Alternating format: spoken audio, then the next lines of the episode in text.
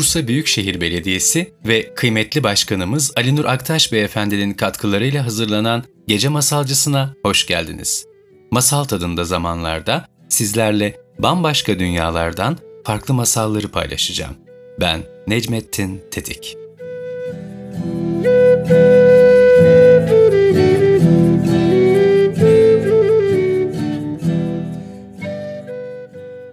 Bir zamanlar şair olmak için uğraşan genç bir adam vardı. Yılbaşına kadar çalışmalarını bitirip evlenmek, sonra da şiir yazarak ailesini geçindirmek istiyordu. Şiir yazmanın veya yeni hikayeler bulmanın onun için yeni bir buluş yapmaktan başka bir şey olmadığını kendisi de biliyordu ama yeni bir şey bulmak onun için olanaksız gibiydi. Çünkü çok geç doğmuştu o genç adam. Ona kalırsa o daha dünyaya gelmeden bütün buluşlar yapılmış, her şey anlatılmış, her ama her şey yazılmıştı. Genç adam, bin yıl önce doğan insanlar ne kadar mutluymuş diyordu. Kolayca ölümsüzlüğe erebilmişler. Ayrıca 100 yıl önce doğanlar bile çok mutluymuş çünkü o zaman da şiir veya yazılacak çok şey varmış. Ama bugün öyle mi ya? Dünyada yazılacak ne varsa hepsi yazılıp bitmiş. Ben şimdi neyin şiirini, neyin öyküsünü yazayım ki? dermiş. Bu düşüncelerle durmadan kafasını yoran zavallı adamcağız sonunda hastalandı.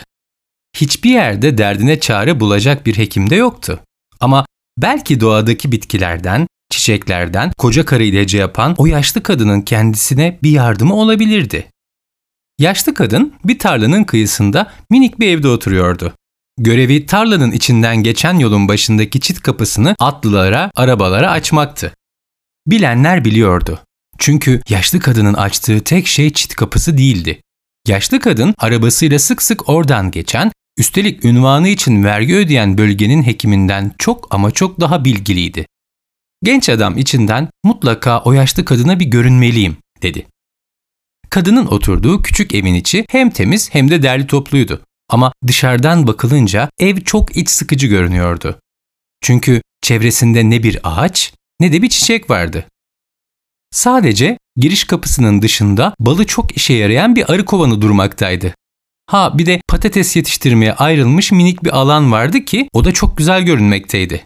Bir de bir hendekteki ak diken çalısı artık çiçeğini dökmüş meyve vermişti.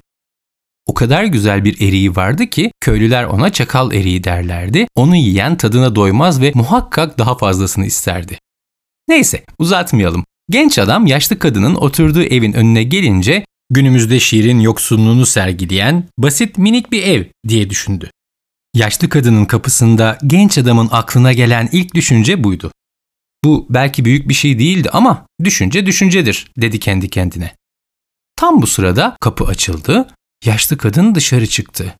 Genç adamı şöyle bir sözdü, hafifçe güldü ve işte bunu yazmalısın dedi. Unutma ki ekmek kırıntıları da ekmektir. Genç adam şaşırdı. Kadın adeta aklını okuyordu. Buraya niçin geldiğini biliyorum genç adam. Yazacak hiçbir şey bulamıyorsun. Ama aynı zamanda yılbaşı gelmeden önce de şair ve yazar olmak istiyorsun. Öyle değil mi? Deyince genç adam İyi ama her şey yazılıp bitmiş dedi. Hem zaten zamanımız da önceki zamanlar gibi değil. Yaşlı kadın hafifçe güldü ve haklısın dedi. Eskiden benim gibi koca karı ilaçları yapan insanları odun yığınının üzerinde yakarlar, cadı derlerdi. Ayrıca şairler cep delik, cepken delik dolaşırlardı ortada. Günümüzde ise durum bana kalırsa iyi, hem de çok iyi. Ama sen bence çevreni doğru göremiyorsun. Hem Kulağını da keskinleştirmemişsin. Sanırım sen gece yatmadan dua da etmiyorsun. Hem öyle ortalıkta şiiri yazılacak, öyküsü anlatılacak o kadar çok şey var ki. Nasıl? diye merakla sordu genç adam. Çok basit dedi kadın. Eğer görme, bakma ve anlatma yeteneğin varsa. Aradığın konuyu yeryüzünün bitkilerinde, meyvelerinde bulabilirsin. Akarsulardan, durgun sulardan çıkartabilirsin. Ama bunu nasıl yapacağını, bir güneş ışınını nasıl yakalayabileceğini bilmen gerekir. Peki onu nasıl bileceğim diye sordu genç adam. Yaşlı kadın hafifçe mırıldandı ve ona dedi ki, al şu benim gözlüklerimi tak, kulaklığımı da kulağına koy ve duanı oku. Hiç durmadan kendini dinlemeyi de bir yana bırak. İşte bu sonuncusunu yapmak yaşlı kadının düşündüğünden daha zordu genç adam için. Ama yine de genç adam gözlükleri aldı, kulaklığı aldı ve taktı. Yaşlı kadın onu patateslerin olduğu yerin ortasına götürüp eline kocaman bir patates verdi.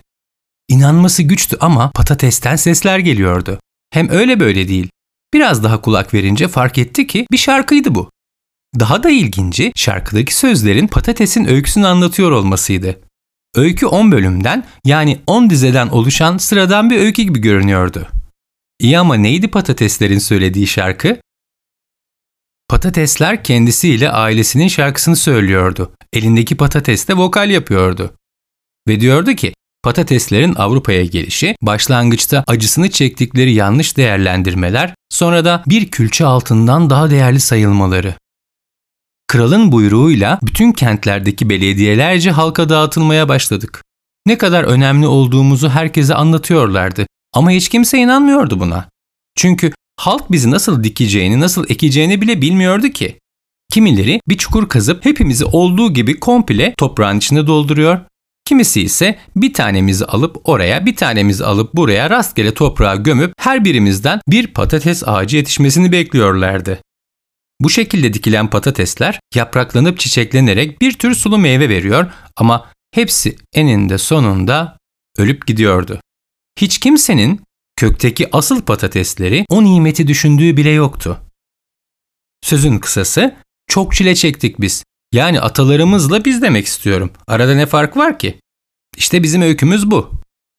Genç adam büyülenmiş gibiydi. Tam o sırada yaşlı kadın elinden patatesi aldı. Bu kadar yeter dedi. Hadi gel şimdi bir de şu akdiken çalısına bakalım. Bizim de dedi akdiken çalısı patateslerin ana yurdundan daha kuzeyde yakın akrabalarımız var. Norveç'ten Norveçliler geldi.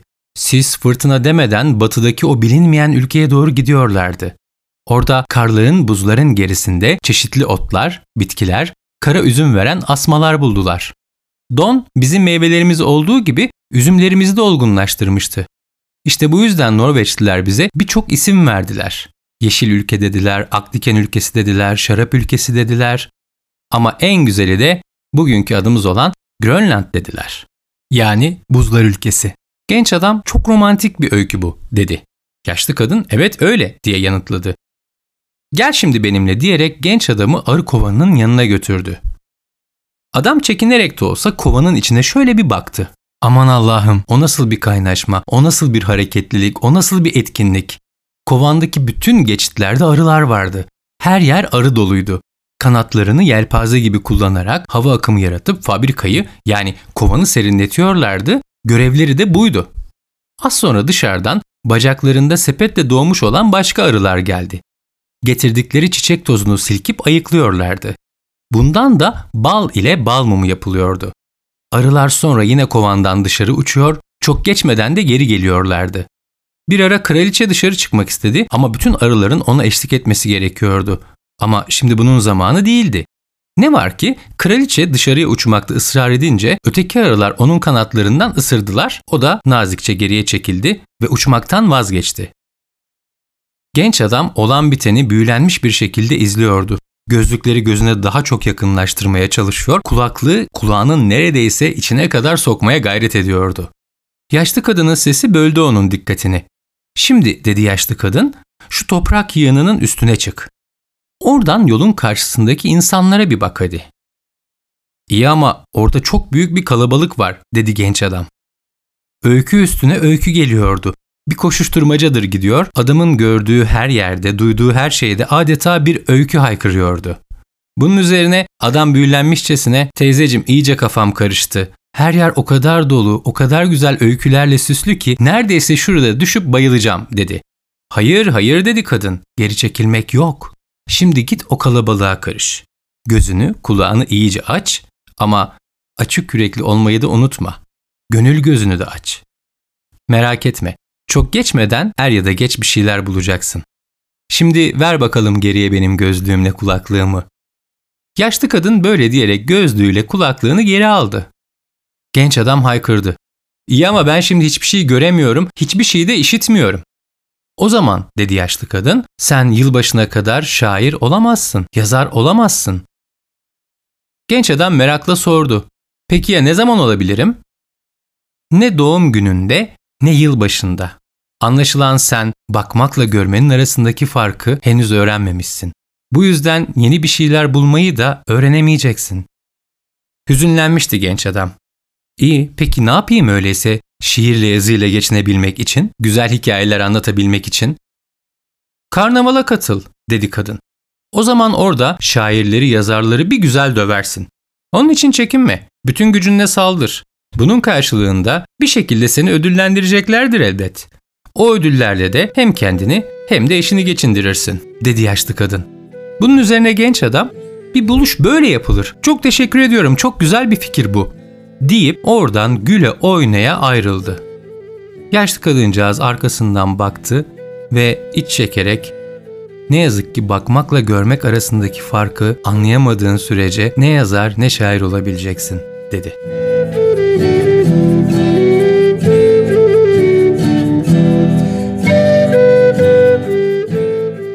Bakmak şahitliği, görmek derinliği ifade eder. Bakmak sadece gözlü olur. Görmek akıl, kalp ve en önemlisi kalp gözümüzün devreye girmesiyle gerçekleşir. Bakmak sıradan basit bir göz hareketiyken görmek bir şuur faaliyetidir. Çünkü bakışta geçicilik, görüşte seçicilik vardır. Bakmak en fazla tanımakla, görmek anlayıp kavramakla sonuçlanır. Bakınca yalnız seyrederiz. Oysa görünce bir hükme varırız. Bakmanın üst seviyesi tanımak, görmeninki ise yaşamaktır. Bakan kişi anlatır, gören kişi sorgular, yorumlar ve anlamlandırır. Bakınca kenarından tutarız, oysa görünce iki elimizle birden sarılırız. Bakınca aşık olur, görünce sever, hayran oluruz. Peki ya siz? Bakıyor musunuz ya da görüyor musunuz? Ve en önemlisi de baktıklarınızı görebiliyor musunuz? İşte bu yüzden her masalın sonunda dediğim gibi ne olur izin vermeyin içinizdeki güneşin batmasına. Çünkü en acı şiddetli kötülük sahiplerinin bile içinde merhamet adlı bir çınar ve kanadında sevda vardır. Umutla, merhametle, aşkla. Yazının, anlatılmamış hikayelerin, masalların ve müziğin sonsuz sihrine ve en çok da siz beni dinleyen o masal yüreklere en derin sevgilerimle. Bursa Büyükşehir Belediyesi ve kıymetli başkanımız Ali Nur Aktaş beyefendinin katkılarıyla hazırlanan Gece Masalcısı'nın bir sonraki bölümünde buluşana dek kendi hikayenizin kahramanı olun, kendi masalınızı yaşayın. Ve lütfen beni takip etmeyi, kanalıma abone olmayı unutmayın. Ben Necmettin Tetik.